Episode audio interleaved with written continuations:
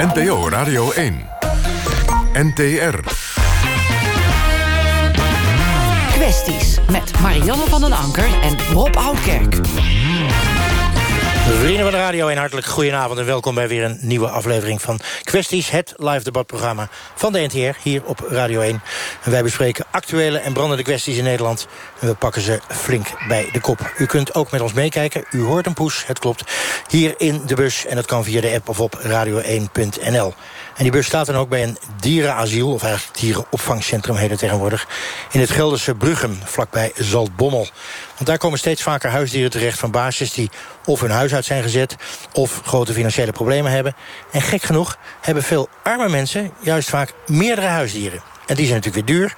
Dus ofwel spaart de baas het eten uit zijn eigen mond... of komt het huisdier tekort. Zou het niet beter zijn als Minima helemaal geen huisdier meer zouden mogen hebben? Of gaat die betutteling veel te ver? Zometeen dus de basis die afstand moeten doen van hun dieren. Straks Marjan van der Anker. Eerst in de Expat Hub in de zeer internationale stad Eindhoven inmiddels... over belastingvoordelen voor expats, hoogopgeleide buitenlanders... die tijdelijk in Nederland komen werken. Maar nu eerst naar een korte sportupdate van de WK-wedstrijd Polen-Colombia in de Kazan Arena. Richard van der Maden. Ja, voor beide landen een hele belangrijke wedstrijd. Vanmiddag Japan-Senegal geëindigd in 2-2 uh, ook in deze groep. En dat betekent dat die twee landen nu allebei vier punten hebben. Colombia en ook uh, Polen staan allebei nog op nul. En de ploeg die vanavond in Kazan verliest zal eruit liggen. Op voorhand waren Polen en Colombia toch de twee favorieten in deze groep. Op dit moment wordt er even niet gespeeld. Want Ospina, de keeper...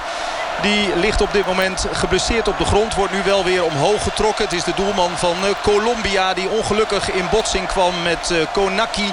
Een van de verrassingen in de basis bij Polen. Waar het absoluut niet liep in het eerste duel. Dat met 2-1 verloren ging tegen Senegal. Polen was geen schim van zichzelf. Besluiteloos. En heel erg weinig creativiteit. Silinski, daar moet het vooral van komen. Hij speelt in de buurt van Lewandowski. Veel ogen zijn natuurlijk vooral op hem gericht. De spits van Bayern München. Eerste duels zijn grimmig. Het uh, zou wel eens een uh, harde, intense wedstrijd kunnen worden. Want de druk en de spanning op beide landen is heel groot. Het is warm in... Uh, Kazan de hele middag al rond de 30, 35 graden. Terwijl er nu weer een overtreding wordt gemaakt. Nu door uh, Lewandowski. Het gaat er uh, zeer onvriendelijk aan toe in de beginfase. Nu is het uh, Mina weer die op de grond ligt. De centrale verdediger. En opnieuw is het spel door de Mexicaanse scheidsrechter Ramos voor eventjes stilgelegd. Zeven minuten bijna op de klok in de Kazan Arena. Het is 0-0 bij Colombia tegen Polen. Uh, dankjewel Richard. Over de belastingvoordelen voor expats in Eindhoven. Marjan van Anker. Ja, Rob, uh, en in Eindhoven wordt hier bij deze expert hub ook televisie gekeken. En wel naar het WK zit hier een zestigtal Colombianen binnen en twee Polen. Nou, als hier wordt gescoord, dan gaan de deuren open en zullen jullie het meemaken. Wat jullie ook mee zullen maken is hier een stevig debat. Want wat hebben we hier te bespreken met elkaar? De expats krijgen in de eerste acht jaar dat ze in Nederland zijn al heel veel belastingvoordeel. Over 30% van hun inkomen hoeven ze geen inkomstenbelasting te betalen. De regeling is bedoeld om werknemers uit het buitenland aan te trekken met een specifieke deskundigheid die we in Nederland juist niet hebben. Natuurlijk ook om het vestigingsklimaat van Nederland stevig internationaal op de kaart te zetten en ook om wat administratieve lasten te verlichten bij zowel de werkgevers als de werknemers. De regeling wordt nu per 1 januari 2019 verkort van 8 naar 5 jaar. Veel experts hebben daardoor financiële bezwaren en lasten. En wel vaak van 500 tot 1000 euro per maand. De korting gaat gelden voor zowel nieuwe als bestaande gevallen. En wij praten erover of dat nou wel terecht is dat deze expats zoveel belastingvoordeel krijgen. Want wij moeten tenslotte toch ook belasting betalen. Vandaag zijn we in Eindhoven de straat opgegaan met de volgende stelling. Het is oneerlijk dat expats zoveel belastingvoordeel krijgen. Afschaffen dus die regeling. Wat vond de straat ervan? Ja, tuurlijk. Waarom? Iedereen is toch hetzelfde? Ja, als het bij hun wel mag, waarom ook niet bij ons dan? Want we betalen echt veel belasting. Uh, niet. Ik denk op zich als je alleen maar meer uh, kennis hier naartoe brengt... dat het uiteindelijk voor zichzelf uh, zal uitbetalen. afschaffen, gewoon afschaffen, ja. En waarom dan? gelijkheid voor iedereen, ja. Ik denk, ik denk gewoon dat, uh, dat het hoge loon al aantrekt. Ik denk, 30% is wel echt heel veel. Ja, het ligt eraan. Als je ze zo hard nodig hebt voor ICT, dan denk ik van ja, oké. Maar dan hebben we net als verpleegsters en zo, die mogen dan ook wel wat belastingvoordeel. Of mensen die we ook hard nodig hebben. Ja. Er zijn heel veel mensen die hard werken. We zijn echt niet de enigste. Ze vinden dat ze gewoon belasting moeten afschaffen. Beter. Überhaupt? Ja, alle belasting weg. Ja, toch? Het mooiste. Zij als experts dat uh, terecht wel hebben, in ieder geval dat dat voor hen wel mogelijk is, willen wij dat natuurlijk ook. Ik bedoel, wij, hebben ook, uh, wij werken ook hard, dus uh, wij willen ook minder belasting betalen en meer voor onszelf overhouden. Ja, ik, ik weet niet of het nou zo dramatisch moet zijn. Maar ik vind het wel, uh, dat, ja, het is altijd wel mooi als je mensen hier naartoe trekt. Ik vind het wel mooi dat het inderdaad een kenniseconomie is. En dat het hier ook zo'n, ja, dat groeit enorm. Ik werk, in, uh, ik werk in Duitsland, ik woon in Nederland. En ik hoef dus in Duitsland, ik betaal in Duitsland belastingen, niet in Nederland. Maar ik vind het een goede zaak. Maar waarom dan? Ja, omdat ik er voordeel van heb. Maar het is toch niet uit te leggen aan anderen? Hij heeft dus ook geen voordelen, uh, bijvoorbeeld met een uh, hypotheek. Hij kan zijn hypotheek ook niet aftrekken. Dus ik bedoel, we hebben wel een huis hier... maar die voordelen die dus de Nederlander heeft, die hebben we dus ook niet. Bij mij uh, Henry de Leeuw van de SP in Eindhoven en Marlijn van den Bergmortel van VNO-NCW Brabant-Zeeland. Een expat is echt wat anders dan een arbeidsmigrant. Die expat die woont 150 kilometer van de Nederlandse grens, komt tijdelijk in Nederland werken en heeft een specifieke kennis die wij in Nederland niet hebben. Marjolein, hoe belangrijk zijn deze expats voor ons als land? Uh, deze experts zijn enorm belangrijk voor ons. We, we, zien, zitten in een markt waarin uh, de economie op volle toeren draait. Uh, maar waarbij we technisch personeel niet kunnen aanslepen. Deze mensen zijn niet meer voorhanden in Nederland. En we moeten ze buiten de grens gaan zoeken. dus deze internationale kenniswerkers zijn voor ons erg belangrijk. Leveren enorme bijdrage aan deze economie. waar iedereen van mee profiteert. En vergeet daarnaast niet dat dit niet alleen voor technologische bedrijven geldt. Maar ook voor de kennisinstellingen en voor de ziekenhuizen. Waar ontzettend één op de drie wetenschappers aan de universiteit is een buitenlandse wetenschapper. En die krijgen dus die 30% belastingvoordeel. En dat betekent dat zij ook uiteindelijk die inkomensbelasting veel lager uh, in hun portemonnee voelen meetellen dan wij dat hebben. Er zijn natuurlijk ook in Nederland best wel veel werklozen. Jij zei net al, ja, wij kunnen ze allemaal niet in Nederland meer vinden. Maar is dat echt zo? Dat is echt zo. Uh, als je hier alleen al in de gemeente Eindhoven kijkt, daar, uh, de bakken, er zitten nog veel mensen in de bakken. Maar de mensen die in deze bakken zitten, dat zijn mensen uh, met een lagere opleiding, met andere profielen. maar niet de mensen die wij zoeken voor deze technische banen. Die zijn hier niet voorhanden en ze zijn enorm schaars. Als ze hier al waren, hadden de ASML's en de Philips hadden ze al lang gevonden. Ja. Nou, dat is dus een stevig verhaal. We zijn niet voor niets in Eindhoven neergestreken, want Eindhoven gaat de koppositie innemen, toch? Zeker weten. Eindhoven doet het enorm goed. Uh, staat op gelijke voet met uh, Rotterdam en Amsterdam. Is een, een mainpoort geworden. Uh, ook in de regio is dat natuurlijk terug te zien waar veel geld naar deze regio zal komen voor het vestigingsklimaat. Dus we doen zeker mee.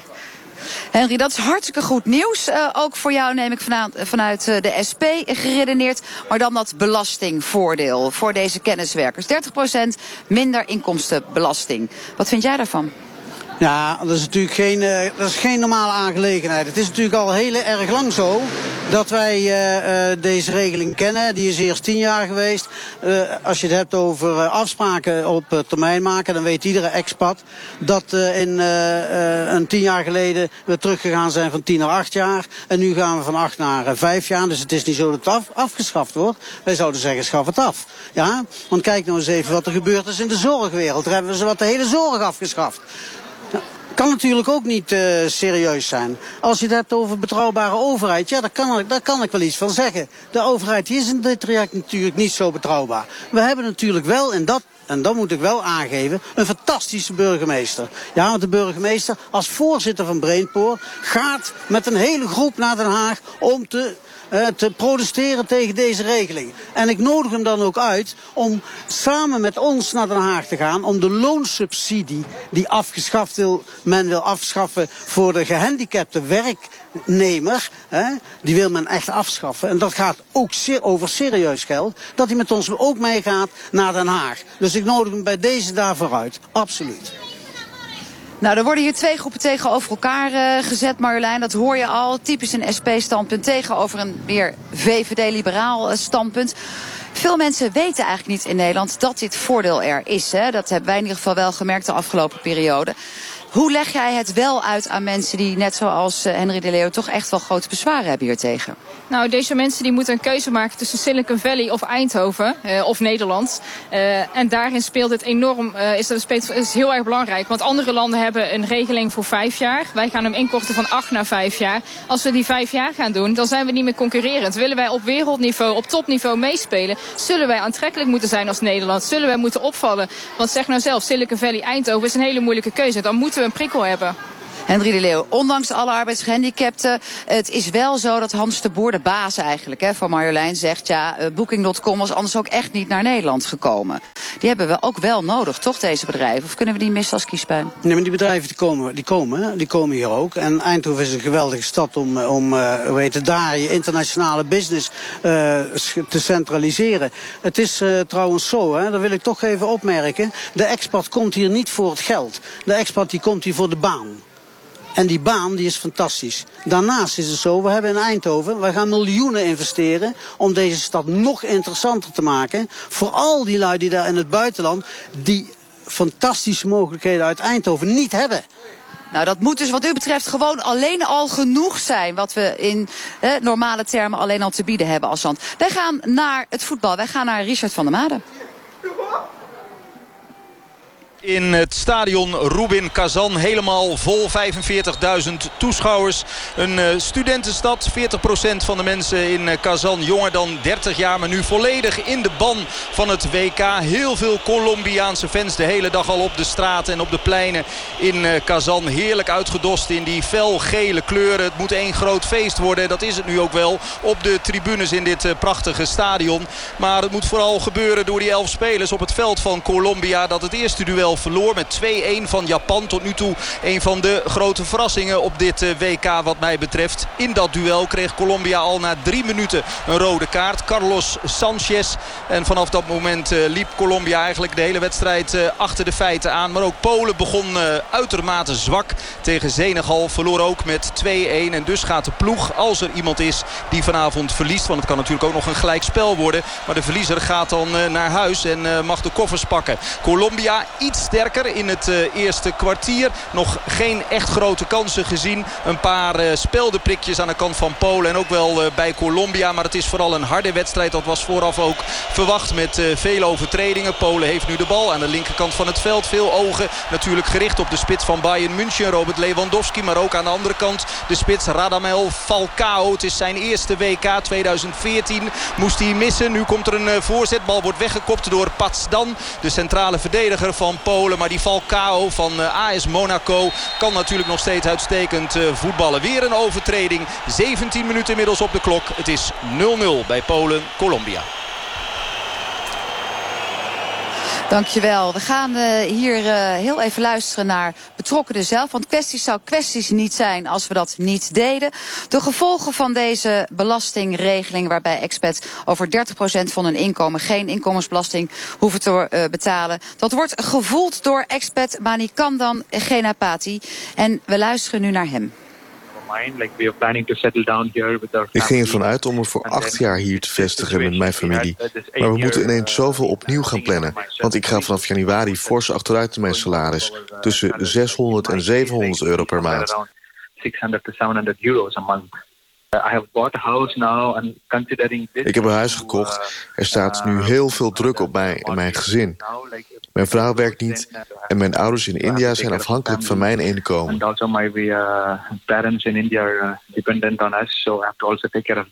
Als ik dit had geweten voordat ik naar Nederland kwam, had ik hier prima rekening mee kunnen houden. Hetzelfde probleem geldt ook voor mijn vrienden. Eén heeft net een huis gekocht maar weet niet hoe hij dat straks nog kan betalen. He don't know how to manage uh, the mortgage when this rule is implemented. Welke impact de veranderende belastingregels voor expats hebben, dat horen we ook vanuit de mond van de expat Ajay Kumar. I like this country, lovely people, everything is nice here. But, uh, ik hou van dit land, fantastische mensen en ik heb het erg naar mijn zin hier. Maar financieel gezien heeft het een grote impact voor ons, de expats. Onze salarissen gaan drastisch veranderen. Let's say 700 to 800 in net salary per month. Voor mij is dat tussen de 700 en 800 euro per maand. Mijn vrouw werkt niet, dus dit heeft grote financiële gevolgen. Ik wilde eigenlijk me gaan vestigen hier in Nederland en in Eindhoven een huis gaan kopen. Maar ik ben me nu erg aan het afvragen of ik dat wel of niet moet doen. And um, now I'm really thinking whether it's uh, whether I want to stay in Holland or not. Marjolein, vanuit uh, VNO-NCW gedacht. Uh, en daarom sta je ook hier. Het is toch een beetje gek om uit de mond van deze twee experts te horen... dat het allemaal voor hen heel dramatisch uh, wordt. Ze moeten hun familie onderhouden in India. Ze hebben huizen gekocht. Dat is toch geen expert meer? Uh, dit zijn zeker wel experts. Deze mensen die uh, komen hier voor een periode om een bijdrage te leveren aan onze economie. Natuurlijk is het hartstikke mooi als deze mensen hier blijven. Wat in eerste instantie niet uh, zo is voor een internationale kenniswerker. maar daarnaast, naast de kosten van een hypotheek, zijn natuurlijk de kosten van onderwijs voor de kinderen. Het internationale onderwijs hier in Nederland. Is... Laten ze de kinderen toch naar Nederlands onderwijs gaan en zo snel mogelijk Nederlands leren als je ook hier al een huis koopt. Maar deze mensen die gaan waarschijnlijk weer door naar andere landen... omdat het juist een internationale kenniswerker is. Dus ze blijven hier niet. Dus, uh, de, dus de kinderen moeten uh, internationaal onderwijs krijgen... om ook weer mee te kunnen met de ouders naar een ander land. Uh, en deze internationale scholen zijn ontzettend duur. Wij in Nederland betalen helemaal niets voor het primair onderwijs. deze mensen betalen al bijna 5000 euro per kind per jaar voor dit onderwijs. Wat natuurlijk enorm heel veel kost. Het kost enorm veel. En zeker als je drie kinderen hebt. Henry de Leeuw vanuit de SP. Ben je gevoelig voor? Is het een overtuigend argument? Ja, het is een heel overtuigend argument. Want wat ze feitelijk aangeeft is dat de werkgevers eens een keer hoe heet het, de portemonnee moeten trekken. Om te zorgen dat die salarissen in overeenstemming zijn met wat zij hier vragen van die expats. En een expat die hier komt en echt absoluut noodzakelijk is volgens het VNO-NCW die mag dan wel weet dat geld uh, verdienen die nodig is om al deze in ongelooflijke kosten te moeten betalen. Ik vind het een heel raar fenomeen dat wij dat vanuit de Belastingdienst moeten ophoesten. De Belastingdienst heeft ook allemaal instructies gegeven. Als je 60.000 euro als expert verdient, dan heb je 18.000 euro belastingvoordeel. En het is bedoeld natuurlijk, deze regeling, om ervoor te zorgen dat mensen met specifieke kennis die wij er nodig hebben hier naartoe getrokken kunnen worden. Wel, vandaag op straat hoorden wij dat mensen zeiden, ja, we hebben ook in Nederland behoefte aan verplegers, verzorgenden en leerkrachten. Moeten we daar niet ook belastingvoordelen voor gaan invoeren? Want dat zijn tenslotte ook specifieke kenniswerkers. Nou, ik zou haast zeggen, weet het, geef ze het juiste bedrag uh, wat, waar, waar, ze recht op hebben voor het werk wat ze gaan doen. En u moet weten, u zou kunnen weten, dat de hele zorgwereld 15% een inkomen heeft moeten inleveren. Ja, dankzij uh, deze geweldige overheid die alleen maar aan het, af, aan het afschaffen is en eigenlijk alleen maar aan het afbreken is. En dat moeten we echt, daar moet echt mee gestopt worden. Wij moeten weg van het neoliberalisme. We moeten weer samen uh, een samenleving creëren waar je met elkaar uh, de, de, zaken goed weet op te pakken. En Hendrik Leer gaat van iets heel concreets, Marjolein van den Berg, naar een heel hoogdravend iets. Weg het neoliberalisme. Wat zeg jij vanuit VNO-NCW en het belang wat Eindhoven heeft bij kenniswerkers... en dus ook de voordeelregeling voor expats? Nou, deze kenniswerkers hebben hard nodig en overal zijn op dit moment tekorten. Ook in de zorg, ook in de logistiek, ook in de bouw, overal.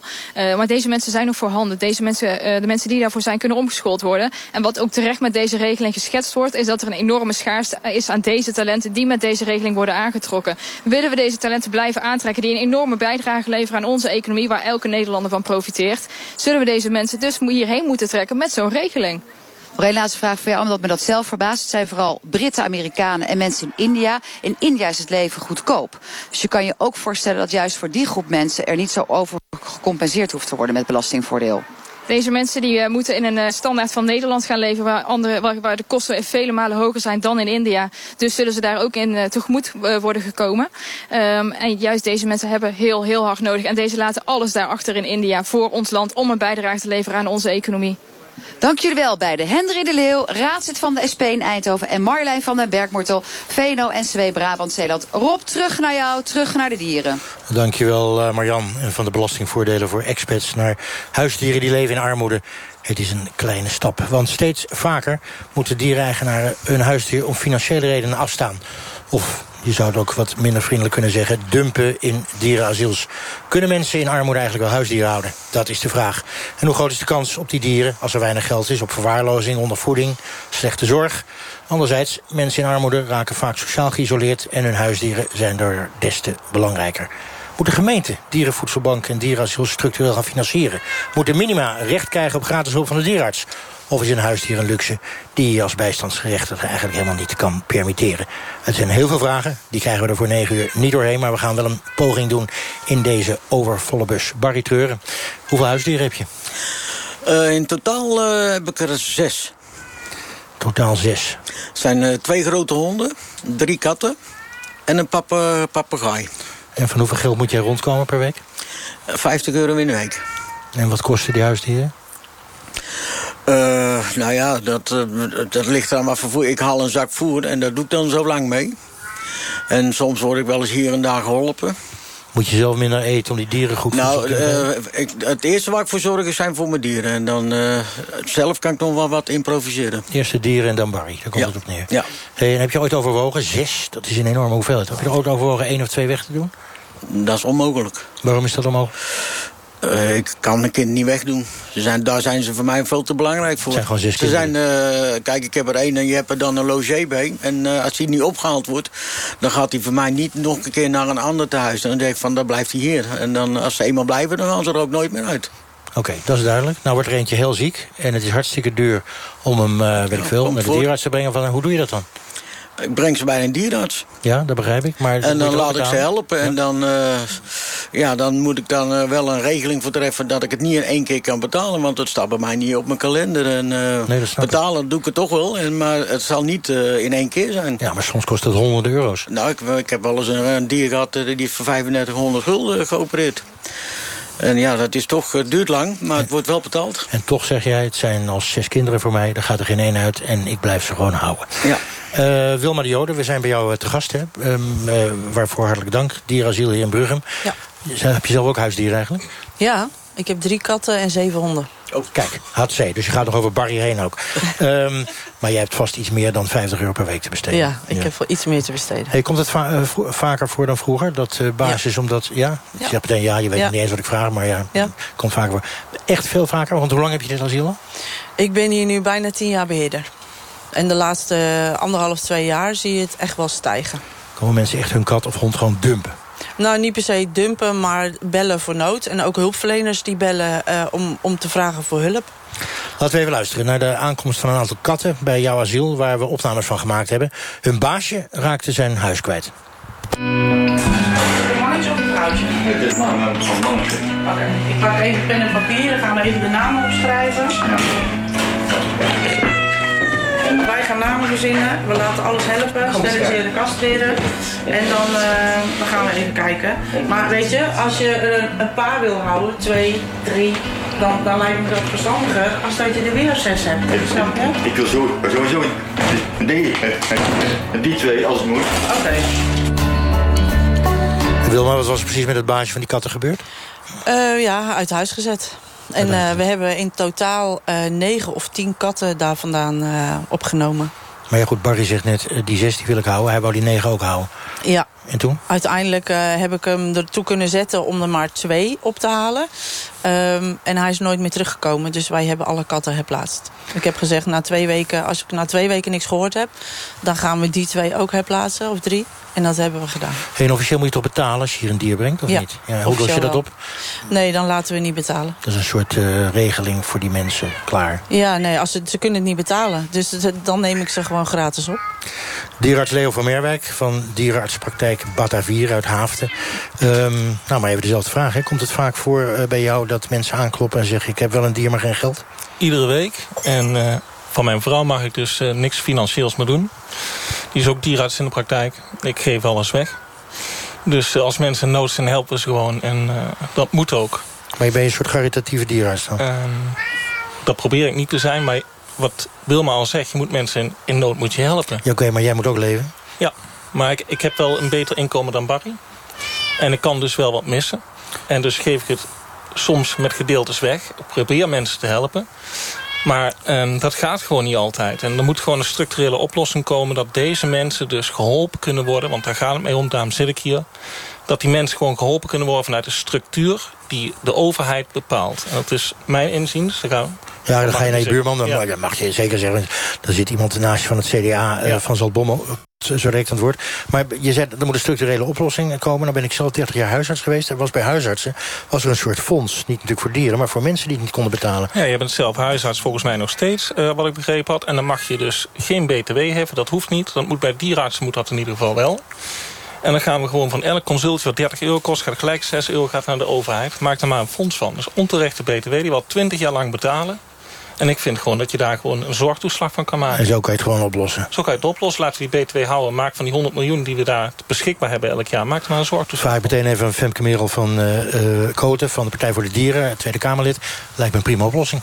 Ja, zeker. Daar zijn we van harte voorstander van. En uh, waarom maar... niet ook het BTW... Ja. Hè, het zit nu in het hoge... B btw-tarief. Waarom niet naar het lagere btw-tarief? Uh, krijg je daar de handen voor elkaar in de Tweede Kamer, denk uh, nou ja, dat ga, ga, ik natuurlijk proberen. Ja, ja. En ook voor minima, eh, bijvoorbeeld uh, zoals in de stad Utrecht doen... dus een U-pas en daar ook kortingen voor de dierenarts aan verbinden. en zo op die manier kunnen alle beetjes helpen... om het ook voor, min, ja, voor mensen die wat minder te besteden hebben... ook te betalen te houden. Ik ga nog even terug naar Leo van Meerwijk. de redactie heeft heel veel, ook dierenartsen in de omgeving gesproken... en die zeggen eigenlijk allemaal, we hebben allemaal dezelfde problemen. Kunnen jullie het zelf in een soort coöperatie oplossen als dierenartsen? Nee, is geprobeerd, dat lukt echt niet. Het lukt gewoon niet. En ik vind het een heel goed voorstel van de Partij voor de Dieren... maar hou gewoon een B2-tarief aan. Maak van die 100 miljoen die we binnenhalen een fonds. Geef zorgtoeslag aan de mensen die het nodig hebben. Simpel, doeltreffend. We hebben zo om half negen de oplossing al. We zouden eigenlijk niet verder over praten... maar zo gaat het niet eh, bij kwesties. Maar we gaan wel even naar het WK-journaal. Het WK-journaal. Polen en Colombia verloren allebei de eerste wedstrijd op dit WK. Staan dus nog op nul punten. Richard van der Made, kan je eraan afzien in het eerste half uur... dat ze voor hun laatste kans spelen? Nou, het is in elk geval een uh, intense wedstrijd met heel veel spanning. Dat uh, voel je aan alles. Heel veel strijd, weinig goed voetbal. Ook uh, nog niet echt grote kansen gezien. Wel heel veel overtredingen. Polen is iets gevaarlijker. En het spel ligt regelmatig stil. Ook nu weer. Het is Abel Aguilar die eraf moet. Een van de middenvelders van Colombia. Brancard op het veld. En ik heb Uribe al zien lopen. Hij moest snel de dugout uit. Eventjes snel heen en weer. En hij zal erin komen bij Colombia. Dus noodgedwongen al na een half uur 0-0. Dus de tussenstand wel heel veel sfeer op de tribunes. Mooi om te zien al die Polen en Colombianen door elkaar heen. Voetbal kan mensen verbinden. Maar je ziet dus ook dat het eh, zorgt voor heel veel spanning. Dit soort eh, wedstrijden. Want het is bij Vlagen echt ook een hele harde wedstrijd. Aguilar moet eraf. Nog geen echte uitgespeelde kansen dus gezien in dit duel. Beide ploegen, je zei het al, nul punten. En dus de ploeg die eventueel verliest in Kazan ligt eruit op dit WK. Richard, dankjewel. Bij Argentinië is de sfeer intussen dramatisch. De 3-0 vernedering tegen Kroatië dreunt daar nog flink door. Bondscoach Jorge Sampaoli is de gebeten hond. Volgens de Argentijnse media zouden de spelers hem helemaal zat zijn... en hem zelfs niet meer accepteren. Maar routinier Javier Mascherano spreekt die verhalen tegen. La relación con el técnico, eh, la relación con el técnico es totalmente normal, es totalmente normal. Eh, obviamente que cuando nosotros sentimos en algún momento una incomodidad o vemos algo, se la planteamos, porque si no seríamos unos hipócritas si no le planteas al técnico, a ver, vos estás incómoda dentro de la cancha y no se lo planteás. ¿Y qué vas a, a ir a jugar un partido incómodo? Le estás, estás perjudicando al equipo. Ja, de band met de coach is hartstikke normaal, zegt Mascherano hier. Maar als we ons ergens niet goed bij voelen, dan zeggen we dat gewoon tegen hem. Zo hoort het ook, want anders zouden we hypocriet zijn. Dan nog een opmerkelijk bericht. Zweeds international Jimmy Durmas is na zijn zwakke invalbeurt tegen Duitsland...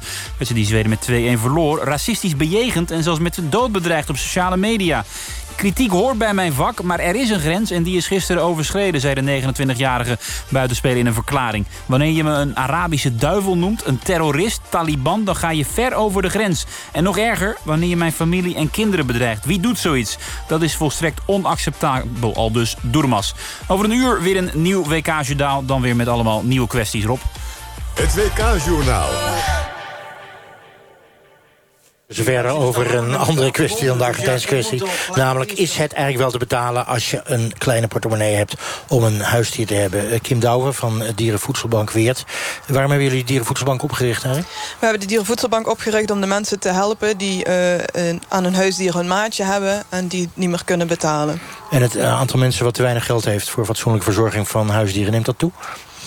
Ik weet niet of dat het toeneemt. Ehm, we zien bij ons dat de mensen eh, bij de voedselbank... het was eigenlijk al een groot aantal uh, toen dat wij begonnen. Dus dat is een beetje op en neer geschommeld... maar wel uh, redelijk gelijk gebleven.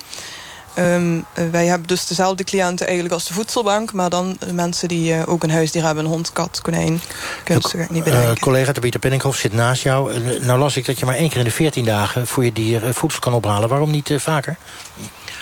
Wij sluiten aan bij de voedselbank. En die uh, delen ook één keer in de 14 dagen uit. Dus uh, daarom doen wij dat. Hey, en hoe zit dat? We hebben een nieuwe privacywetgeving. Vroeger was er een soort koppeling. Hè? Dus de voedselbank en dierenvoedselbank. Maar dat mag geloof ik niet meer. Klopt, ja. Klopt. Met andere woorden, hoe, wat is dat eigenlijk voor onzin? Ja, nou ja, we zullen ons daar moeten houden. Dus ze uh, vragen gewoon zelf via een site, vragen ze het aan. En dan gaan wij kijken of ze voor een aanmerking komen. Maar dat ging vroeger, toen we die rare wetgeving nog niet hadden, veel makkelijker. Dus. Ging makkelijker, okay. zeker weten. Hey, heb je mensen wel eens geadviseerd afstand te doen van hun dier? Dat, dat je gewoon dacht, ja, dit, is eigenlijk, dit kan eigenlijk niet. Nee, nee, dat heb ik mensen nog nooit geadviseerd. We hebben wel eens discussies gehad over mensen bijvoorbeeld... die voor een fokker een dier in huis hadden. Of dat reëel was. Daar hebben we echt wel eens hele pittige discussies ook over gehad. En ook gezegd, nou ja, dan moet die fokker gaan betalen. Maar we hebben nooit gezegd, neem maar afstand van een dier. Nee. Oké. Okay. Wilma de Jode, we hoorden je al eerder van het dierasiel hier. Uh, toch maar eens even over, nou ik ga niet meteen dierenmishandeling noemen... maar het kan me ook voorstellen dat als je weinig geld hebt... dat ondervoeding voor die dieren op de loer ligt... dat uh, verwaarlozing van die dieren op de loer ligt... dat wil je die dieren toch ook niet aandoen? Nee, dat klopt. Nee. Maar... En wij, wij als asiel helpen dan Um, daar hebben we Barry ook uh, al verschillende keren mee geholpen. Um, om zijn dieren naar uh, onze dierenarts te laten gaan op kosten van ons asiel. Hartstikke goed dat je dat doet. Maar er zijn natuurlijk meer Barry's en Janne en Klaassen en. Marietjes. Ja. Dus het, het, kan zijn, en het is een probleem wat overal in het land voorkomt. Ja. Dus er zijn misschien wel duizenden, tienduizenden mensen... die uh, niet Barry heten, die niet nee. bij jullie terechtkomen. En die dieren die kunnen niet protesteren. Die kunnen niet zeggen, ik word verwaarloosd of ik, word, ik heb ondervoeding. Klopt. En zo zijn er heel veel die wel eigenlijk heel erg noodzakelijk uh, medische zorg nodig hebben. Is het een beetje een taboe onderwerp of zo? Dat, dat kan ik me ook een beetje voorstellen dat mensen natuurlijk er ook niet voor uit durven te komen. Durven dat komen. ze dat dier niet te eten kunnen geven of te ja. weinig geld hebben om te verzorgen. Ja. Leo van Merwijk, uh, dierarts. De, Zie, want jij hebt natuurlijk een goede kijk op. Zie je dat aan dieren heel goed, dat ze verwaarloosd zijn? Ik bedoel, ik ja. kan dat waarschijnlijk ook wel zien, maar zo half verwaarloosd, zou ik maar zeggen? Ja, ja. Ik zie vaak wanneer ze te laat komen, wanneer er geen geld is. Als ze doorvragen, ik ben er erg goed in... dan uh, blijkt inderdaad dat ze niet durven komen vanwege de rekening. Ja. Uh, nou, dan gaat natuurlijk alle remmen los. Dan moet alles weer gematst worden. En uh, dat gaat ook gebeuren. Maar het probleem is dat we alleen maar brandjes aan het blussen zijn. Of uh, Wilma dat aan het doen is. Of de man van de gemeente naast mij. Of ik. Ja. He, of de dierenvoedselbanken zijn allemaal brandjes aan het blussen. Gewoon. En dat helpt gewoon niet. Want het brandt gewoon door. We moeten gewoon structureel naar een oplossing. Dus dat is eigenlijk mijn, wat ik wil zeggen. Dat is jouw punt. Nou is de man van de gemeente naast je al twee keer uur aangekondigd. Ik durf hem echt niet meer over te slaan. Henk de Kort van het CDA Zaltbommel. Hoe is dat eigenlijk opgelost hier? Um, dat opsporen van, laten we maar zeggen... slechte verzorging van dieren of ondervoeding? Nou, we zijn in onze gemeente uh, sporen wij niet actief uh, mishandelde dieren op... Of, of, dieren die in de knel zitten. Uh, we zorgen wel dat we onze oren en ogen open hebben... en dat we het tijdig signaleren. En op het moment dat er een knelpunt is... dan proberen we dat middels maatwerk op te lossen. Middels maatwerk, dat lijkt wel een opmerking van een politicus. Wat is dat maatwerk dan? Nou, dat betekent dat we geen specifiek beleid hebben voor iemand die, uh, nou, die een dier heeft... Uh, nou, waar die vanwege financiële overwegingen dus niet goed voor kan zorgen. Uh, op dat moment gaan we kijken van wat, wat kunnen we daarvoor doen. Dus je bekijkt het individueel op per geval. Uh, de man ter linkerzijde is dierarts. En die vraag ik dan nu, vind je dat genoeg van de politiek? Nee, vooral in het geval van de Salbommel niet. Want die hebben 120.000 euro uh, hondenbelasting. En er wordt een gedeelte uitgegeven voor uh, 8,7 hectare hondenveldjes bijhouden. En er blijft nog aardig geld over. zorg dat er structureel ook naar de dieren gaat. Oké, okay, dan gaan we vanavond niet Salbommel bestje. Maar jullie hebben 120.000 euro over, begrepen. Ja, wij, wij krijgen blijkbaar 120.000 euro binnen jaarlijks aan hondenbelasting. uh, ik moet zeggen dat uh, nou, de dierenarts naast mij is daarover goed geïnformeerd. Uh, dat is algemene belasting, die, die vloeit ook de ABR in. En vervolgens ga je daar keuzes mee maken. En een gedeelte van dat geld wordt wel direct ingezet voor honden. En we zouden kunnen overwegen om een gedeelte van dat geld ook in te zetten... voor andere hondengerelateerde zaken. Ah, daar neem ik geen genoegen mee. We zouden kunnen overwegen dat. Gaan jullie doen? Dat is een integrale afweging. Die hebben we op dit moment nog niet gemaakt. Je lijkt wel een politicus. Ja, ben ik ook. Maar nou zat je in de coalitie de afgelopen vier jaar. Nu heb je dus niks meer te zeggen. Maar ga je de coalitiepartijen daarvan overtuigen? Ik ga in, in, in, binnenkort eh, ga ik zeker een voorstel doen om te kijken of we financiële tegemoetkoming kunnen doen voor, eh, voor dieren in nood. En wat u nu niet ziet, dat is eh, dat de dierenarts in kwestie zijn rechterarm om Hein de Kort van het CDA Zaltbommel uh, slaat. En zo ziet u maar weer wat er allemaal kan gebeuren in deze bus op deze zondagavond. Femke Mio van Koten, nou hoor je hoe het lokaal opgelost kan worden. Ehm, jij zei er al iets over BTW hè, aan de, in het begin van de uitzending. Zijn er andere oplossingen om die verwaarlozing en die slechte verzorging van die dieren en de eventuele ondervoeding om die structureel tegen te gaan. Ja. Nou ja, om nog even terug te komen op die hondenbelasting. Uh, wij willen heel graag dat de hondenbelasting uh, of volledig ten goede komt... inderdaad aan de, aan de honden. Uh, wat op dit moment niet kassen, gebeurt. Ja, er worden nu wegen van aangelegd en bossen van gekapt... om daar ook weer een weg doorheen. Nou, maar ik dwaal af van het onderwerp. ja, nee, er moet altijd ehm, gekeken worden naar dierenwelzijn. Dierenwelzijn staat altijd voorop. Er moet gekeken worden dat er geen impulsaankopen worden gedaan. mensen moeten goed voorgelicht worden voordat ze een dier aanschaffen. En ja, zo zo, zo meer van dat soort dingen. Er moet, moet echt gezorgd worden dat, dat dieren uh, vrij zijn van pijn, stress, angst... en hun natuurlijk gedrag uit kunnen oefenen. En daar is de enige oplossing een verplichte cursus... voordat mensen een dier aanschaffen en goede Aha. voorlichting. Dat is een, uh, een, nieuw fenomeen, een verplichte cursus. Dan heb je die cursus gedaan, dan krijg je een certificaat. Dat is in België geloof ik ook zo.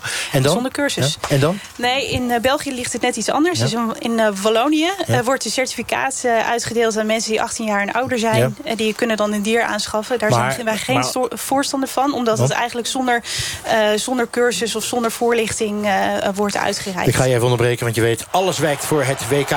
Richard van der Made, doelpunt. Voor wie? Voor Colombia. Mooie uitgespeelde aanval. De voorzet van James Rodriguez, de speler van Bayern München. En de kopbal is van Mina, centrale verdediger. En zo staat Colombia tegen Polen dus op 1-0 in een fase waarin de Zuid-Amerikanen ook wat beter gingen voetballen. Een paar kleine kansjes kregen, want het hield allemaal nog niet over. Chesney, de keeper van Polen, komt uit zijn doel, maar heeft hem niet. En het is Mina die raakopt. Colombia kan feest vieren in Kazan voorlopig. Na ongeveer 40 minuten is het 1-0. Het is tien over half negen en u luistert naar het programma Kwesties. En de crux is eigenlijk, mogen arme mensen wel een huisdier? Ik vat het even zwart-wit samen. We hebben mensen op straat gevraagd die in armoede leven... of mensen die in armoede leven eigenlijk wel een huisdier mogen.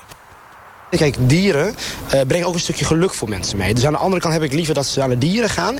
dan dat ze bijvoorbeeld aan de drank gaan. Want dat is, vind ik een uitgave die veel... Even roken, hè, zie je vaak. Ik heb liever dat ze een dier nemen... dan dat ze aan de rokerij en drinkerij gaan. Laat ik het zo zeggen, eh, als ik een beest zou nemen dan, dan moet je het ook kunnen doen. Kunnen betalen, je kunnen verzorgen. Anders, anders zou ik het niet doen. Dus dan vind ik eigenlijk, ja, voedselbank voor dieren... Nee. Nee, dat vind ik niks.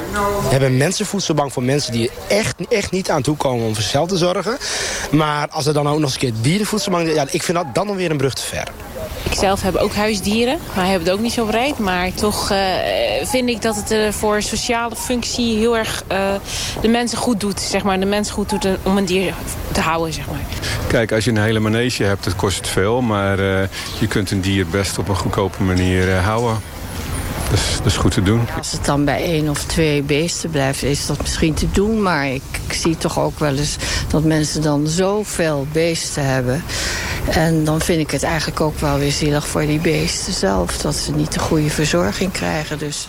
Op straat je toch de mooiste tegeltjeswijsheden. Beter aan een dier dan aan de drank, heb ik vanavond uh, geleerd. Uh, toch maar even voor alle duidelijkheid, want het is een gevoelig punt. Iemand uh, die reageert op ons programma, die zet op Twitter... je kan mensen in de bijstand ook niet verbieden om kinderen te nemen. Waarom zou je ze daarom in hemelsnaam huisdieren verbieden.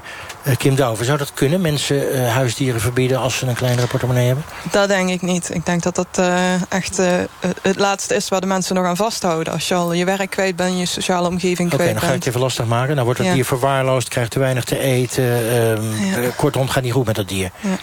Want dat is wel de consequentie eventueel. Ja, dat is een moeilijke situatie. En daar hebben wij eigenlijk ook geen zicht op. Want wij zien de dieren zelf niet als de mensen komen. Nee, dat is natuurlijk het nadeel van het hebben van een Dat zou een dierenarts dan misschien zelf wel zien. Ja, ja. nou vraag het even aan de dierenarts. Leo, het is natuurlijk een cruciale vraag.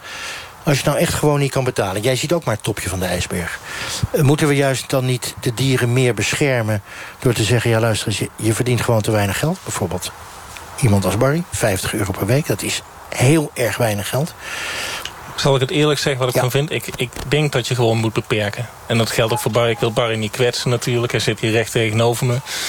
Maar uh, ik vind zes dieren, als je heel weinig verdient... neem er dan twee of drie. En probeer het in ieder geval niet meer te laten worden. Dat je het dan toch kan betalen. Barry?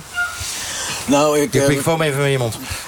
Ik heb uh, die twee honden heb ik dan. Ik heb dan twee katten erbij, uh, omdat ik dan veel last heb van muizen. En ik heb altijd katten gehad, dus ik heb gewoon uh, gezocht naar twee katers.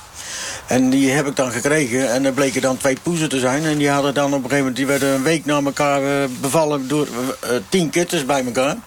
En ik heb ook een Steffert die moet gesteriliseerd worden. Maar dan moet ik wachten op mijn vakantiegeld. Heb ik eerst ben ik naar een dierarts gegaan om mijn katten te laten steriliseren. Want als ze op straat zijn, krijg je er weer pakketjes bij. Nou, dan ga je naar een dierarts en ja, die zeggen ook van... Ja, ik heb gevraagd voor een regeling, uh, dat ik het een paar keer mag betalen... want die, die poezen moeten gewoon gesteriliseerd worden. Dan, ja, dat was geen optie. Hij zei, maar ik heb wel een telefoonnummer. Hij belt hier, want die helpt je dan. En zo ben ik dan bij Wilma. En daar ben ik dan bij, goed bij geholpen. Oké, maar jij krijgt goede zorg van Wilma. Maar Leo zegt eigenlijk, en je zegt, mag ik een eerlijk antwoord geven? En ik waardeer ook dat je dat zegt. Je zegt, je zou het eigenlijk voor mensen die een nou ja, mindere portemonnee hebben... zou je het gewoon moeten beperken. Absoluut, daar ben ik echt van overtuigd. Je kunt niet tien dieren houden als je gewoon 50 euro moet rondkomen. En ook geen acht en ook geen zes. Femke Meel van Koten van de Dierenpartij. Is zo'n beperking überhaupt bespreekbaar? Nou, nee. Ik, ik, ik, ik denk dat je vooral moet kijken... Hè, ten eerste dat dierenwelzijn... maar ook mensen wijzen op hun verantwoordelijkheid... en echt uh, met die mensen bespreken van... Goh, wat, wat kun je aan? En inderdaad, een, een wettelijke beperking... daar zie ik echt helemaal niets in. Uh, maar inderdaad, zoals ook net in het, uh, in het fragment te horen is... mensen die... Um, ja, dus knappen ontzettend op van een huisdier. Het voorkomt dat ze in een isolement raken. Ze komen op straat, kunnen zo uh, sociale contacten onderhouden. En dat zorgt vaak ook ervoor dat mensen weer aan het werk komen. En daar be begonnen we eigenlijk mee. Hè, dat Barry zei, het zijn gewoon zes kinderen. We vroegen aan bezoekers van de Dierenvoedselbank... hoe belangrijk hun dieren voor hen zijn. Maar we gaan eerst naar Richard van der Maden. Want het is bijna rust. Richard, nog steeds 1-0? Ja, nog steeds 1-0. We zitten nu in de extra tijd van de eerste helft. De goal van Colombia zojuist gemaakt dus door uh, Mina. Prachtige kopbal op aangeven van uh, James Rodriguez. De speler die de vorige wedstrijd niet kon spelen vanwege een spierblessure. Maar nu wel bij is.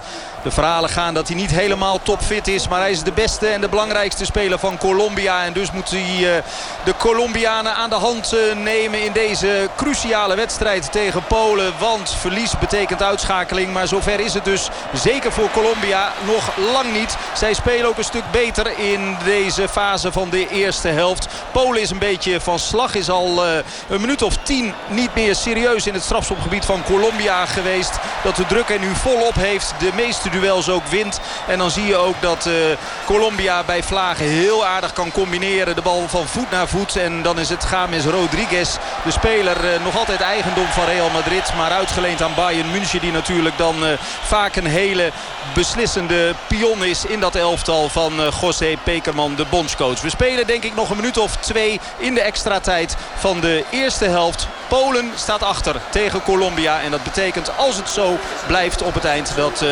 Colombia weer helemaal meedoet. En dat Polen de koffers kan pakken en uh, uitgeschakeld is op dit WK in Rusland.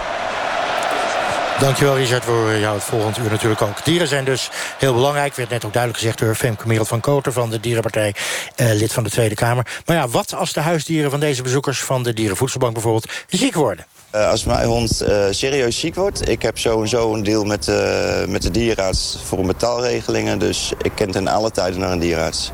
Met een dierenarts valt het te praten van... ik heb het eventjes niet, kan ik het bewijzen van in termijnen doen... of overal eens over te praten, als je maar praat.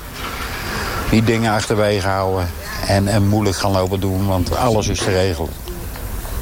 De wereld is niet zo moeilijk als dat het lijkt. En dat is ook een mooie wijsheid. Uh, wij hier bij Kwesties proberen ook altijd over oplossingen te praten. We hebben het al gehad over BTW, die ten goede zou kunnen komen aan uh, dieren. We hebben het gehad over een fonds, we hebben het gehad over een cursus. Uh, Wilma de Jode van Dierenasiel hier. Worden jullie gesubsidieerd door de gemeente? Wij krijgen ieder jaar een bepaald bedrag, ja. Omdat we het werk doen van de gemeente eigenlijk. En als nou dieren niet worden opgehaald bij jullie, wat doe je met die dieren dan? Gaan wij er een nieuwe plek voor zoeken. En je gaat ze niet afmaken? Nee, nee, nee. nee. nee. Hey, nou even over oplossingen. Ehm, als jullie nou meer geld zouden kunnen krijgen... of de dierenvoedselbank zou meer geld kunnen krijgen... zou dat een van de oplossingen kunnen zijn? Ja, we zouden, we zouden meer mensen kunnen helpen. Maar het is wat Leo zegt. Ze zijn nooit allemaal te helpen. Dat, dat, dat kunnen we gewoon niet. Maar zeg je eigenlijk, het is, het is een bodemloze put? Mm, ja. Maar goed, je moet het toch oplossen. We hebben BTW gehad, we hebben een fonds gehad. Je zou meer structureel, hè, van die 120.000 maar zeggen, uit zo'n ja.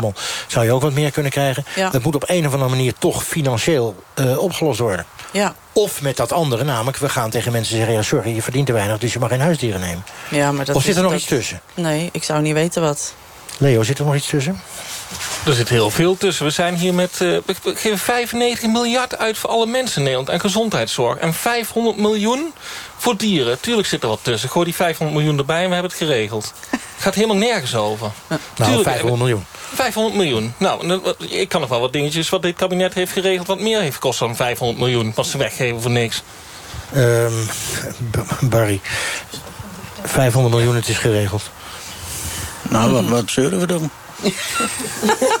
Wat we doen, het moeilijk luisteren. Ik, uh, ik, als ik naar de dierarts moet, dan, ik probeer alles van mijn vakantiegeld te doen. En dat is, uh, ze komen niks tekort. Maar ik vind wel, we betalen ook, ik betaal ook mijn belasting. Oké, het wordt zoals altijd vaak een uh, geldkwestie hier in kwesties. Uh, Heinde Kort van het CDA zal Bommel stak zijn vinger op, want je had een oplossing. Ik heb niet zozeer een, zozeer een oplossing, maar juist die geldkwestie, dat valt me ook op. We hebben het vooral over, over geld. We constateren dat er een probleem is. Uh, en je grijpt al heel snel van, moet er niet structureel geld bij? Uh, je moet op het moment dat er een probleem is kijken of je daar met financiële middelen wat aan kunt doen. Maar je zult aan de andere kant ook moeten kijken uh, hoe je dat probleem kunt verminderen. En dan, dan ligt er ook een duidelijke taak voor de overheid, denk ik. Lokaal of landelijk? Zowel lokaal als landelijk. Even naar landelijk, want ik begrijp, uh, Femke Meel van Koten... dat er in een aantal steden het eerste consult bij een dierenarts uh, uh, gratis is voor minima. Ja, dat klopt. Dat zou je dan toch overal kunnen doen? Ja, ja, nou ja daar, daar pleiten wij ook van harte voor. En ook meer geld naar voedselbanken. Dat vanuit de gemeente dat wordt gefinancierd. En ook naar dierenasiels. Um, de overheid heeft een hele belangrijke taak en ook verantwoordelijkheid... om, om dierenwelzijn op een hoger plan te krijgen hier in Nederland. En daar zouden ze meer aan moeten doen. Maar is het probleem... Uh, je bent natuurlijk van de Partij voor de Dieren, dus begrijp ook uh, jouw standpunt. Nou, het probleem dat iedereen ook maar een beetje moet modderen. We hoorde Leo een half uur geleden in de uitzending zeggen... ja, uh, van mijn vrouw mag ik niks financieels meer, geloof ik. Um, dus ik ga die mensen gewoon maar gratis helpen. Maar er zijn natuurlijk heel veel dierenartsen en dierenvoedselbanken... die moeten roeien met de riemen die ze hebben. Dus waar ik naar zoek is een meer structurele oplossing. Ja, nou ja, dat zit hem dan toch echt uh, in meer geld. Uh, en meer voorlichting naar de mensen. Dat mensen minder snel een impulsaankoop doen. En ook minder snel inderdaad zes dieren nemen... terwijl ze daar eigenlijk niet voor kunnen zorgen. Oké, okay, nou zitten jullie niet in het kabinet. Denk je dat het, het kabinet is net begonnen, zou je kunnen zeggen. Komt er wat van de komende vier jaar? Jazeker. Ja, dat, dat zou ik ook altijd zeggen als ik jou was. Nee, maar nee. even realistisch. Ja, nou ja, wij, wij pleiten als Partij voor de Dieren natuurlijk hard voor dierenwelzijn in de Kamer. En ook in alle gemeenten en provincies waar we zitten in het waterschap. Uh, en net... ja, maar jij pleit ervoor, dat begrijp ik. Ja. Maar, maar, dit kabinet heeft heel andere prioriteiten. Ja, natuurlijk. Uh, maar wij schoppen flink tegen het kabinet aan. En uh, wij zijn wat dat betreft niet alleen de groene buitenwoordmotor... maar ook... maar je hebt vijf zetels um, van de 150. Dus er zijn er nog, um, even snel uitrekenen... 71 gaan voor je meerderheid hebt. We zijn flink gegroeid. En je ziet dat we vaak de doorslaggevende stem hebben in heel veel dingen. Ik wou bijna zeggen, je lijkt wel een politica. Uh, Heinde Kort, ben je ook. Uh, de, landelijk horen we iets... Toch zou ik denken, dit is nou typisch een probleem... wat gemeentes lokaal kunnen oplossen... door een deel van het geld wat ze hebben als subsidie in te zetten voor hetzij dierenvoedselbanken... hetzij uh, dierenartsen structureel met een fonds te helpen... hetzij dierenasiels. Zo simpel is het toch eigenlijk? Nou, ik ben wel heel blij dat, dat Femke Merel achter, achter het meer geld zeg maar, ook wezen op, op stukje voorlichting. Ik denk dat je ook daarin, als, zeker als decentrale overheid, een belangrijke taak kunt hebben. In mensen wijzen op de verantwoordelijkheden die horen bij het, bij het nemen van een dier. Er heeft vanuit dat die dieren op een bepaald moment aangeschaft worden. Uh, men moet in zicht hebben dat daar consequenties aan zitten. En op het moment dat er initiatieven vanuit de samenleving opstaan, zoals een uh, dierenvoedselbank, dan zal de gemeente daar waar nodig dat faciliteren. Nou, dat is in ieder geval een kleine belofte. Zo'n dierenvoedselbank uh, vraag ik nog maar even aan uh, Tabita. Um, is toch eigenlijk waanzinnig dat dat nodig is? Ja. Ja, nou ja, goed. Wij, wij zagen dat mensen een dier weg moesten doen. Terwijl je die zo hard nodig hebt. Dus wij hebben dat wel opgezet. Je springt gewoon in een gat wat dat betreft. Ja. Maar je springt in het gat van het topje van de ijsberg. Begrijp ik tenminste uit de Ja. discussie vanavond. Ja. Dus we zitten nog met 90% mensen die niet in deze bus zitten. Die niet eh dierenarts zijn. Die niet eh, een asiel hebben. Die niet in de Tweede Kamer zitten. Die niet in de lokale politiek zitten. Eh, we kunnen er dus heel fijn over praten. Maar 90% heeft daar geen bal aan. Toch? Ja, dat kan. Maar goed, we kunnen dat doen wat we wel kunnen. Dus, eh, Zij zijn ja, heel als- optimistisch. Ja, als Barry, doen jij, ons best. Jij hebt, jij hebt er dan zes. Maar je kent natuurlijk ook een heleboel mensen... tenminste, dat neem ik aan... die ook wel drie of vier of vijf eh, huisdieren hebben. Nou zegt Leo eigenlijk tegen je... je moet er gewoon een paar op staan. En Nou, daar ging je heel een beetje omheen praten. Als ik mijn dieren niet heb, als ik ze eenmaal in huis heb, dan gaan ze ook nooit weg. Eh, dat, dat staat, eh, ik heb ze eenmaal.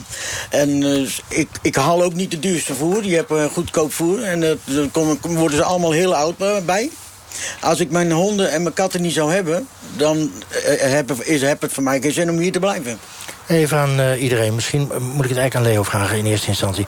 Wij hebben wel heel veel huisdieren in Nederland, hè? We hebben niet gewoon... Is dat zo? Dat valt er mee. Ik denk wat 2, 2 3 miljoen of zo. Nou. Honden en katten. Nou, maar is dat niet te veel? Eh. Kunnen we die allemaal wel verzorgen?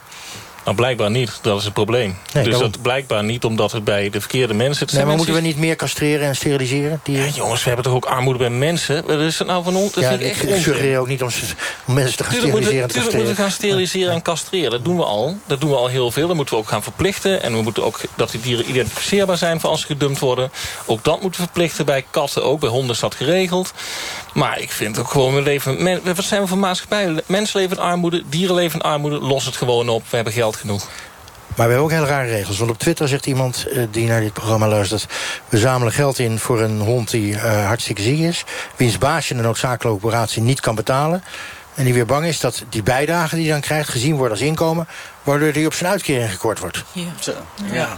Vraag ik maar even aan de beide politici. Om te beginnen in de Tweede Kamer. Krom.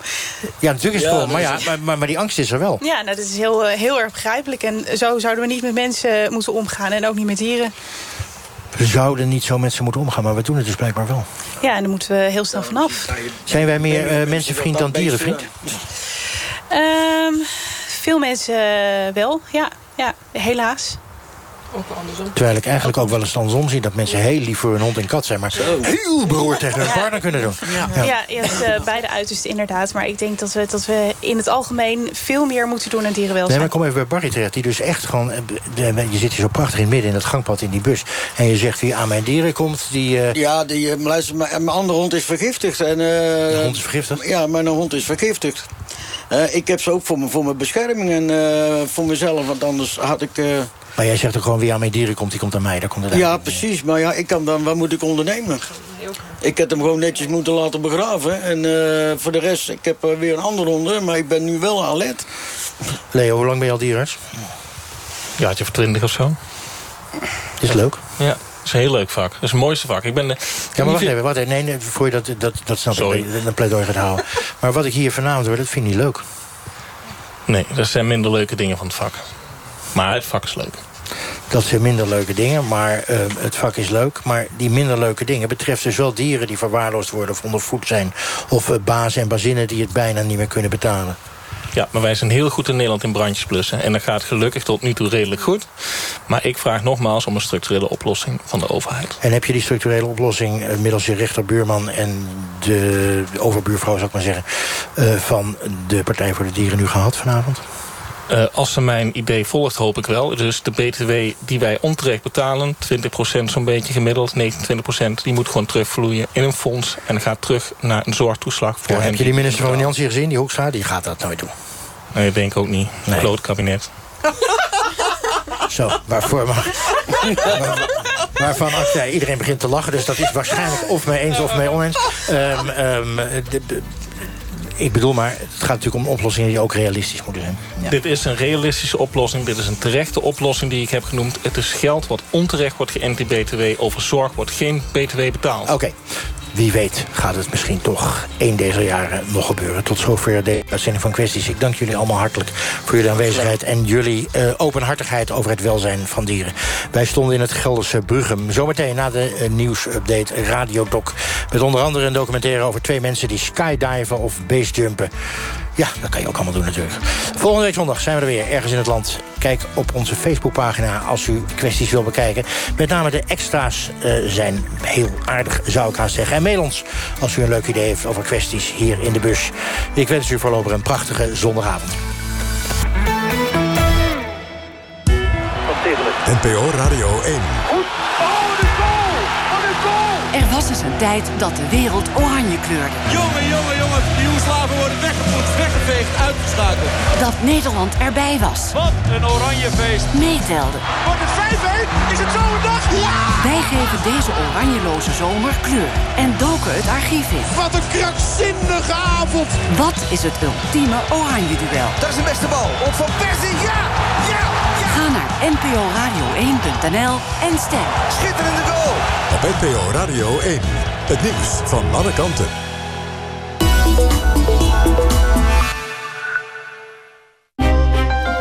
Specsavers Hoormiete 3.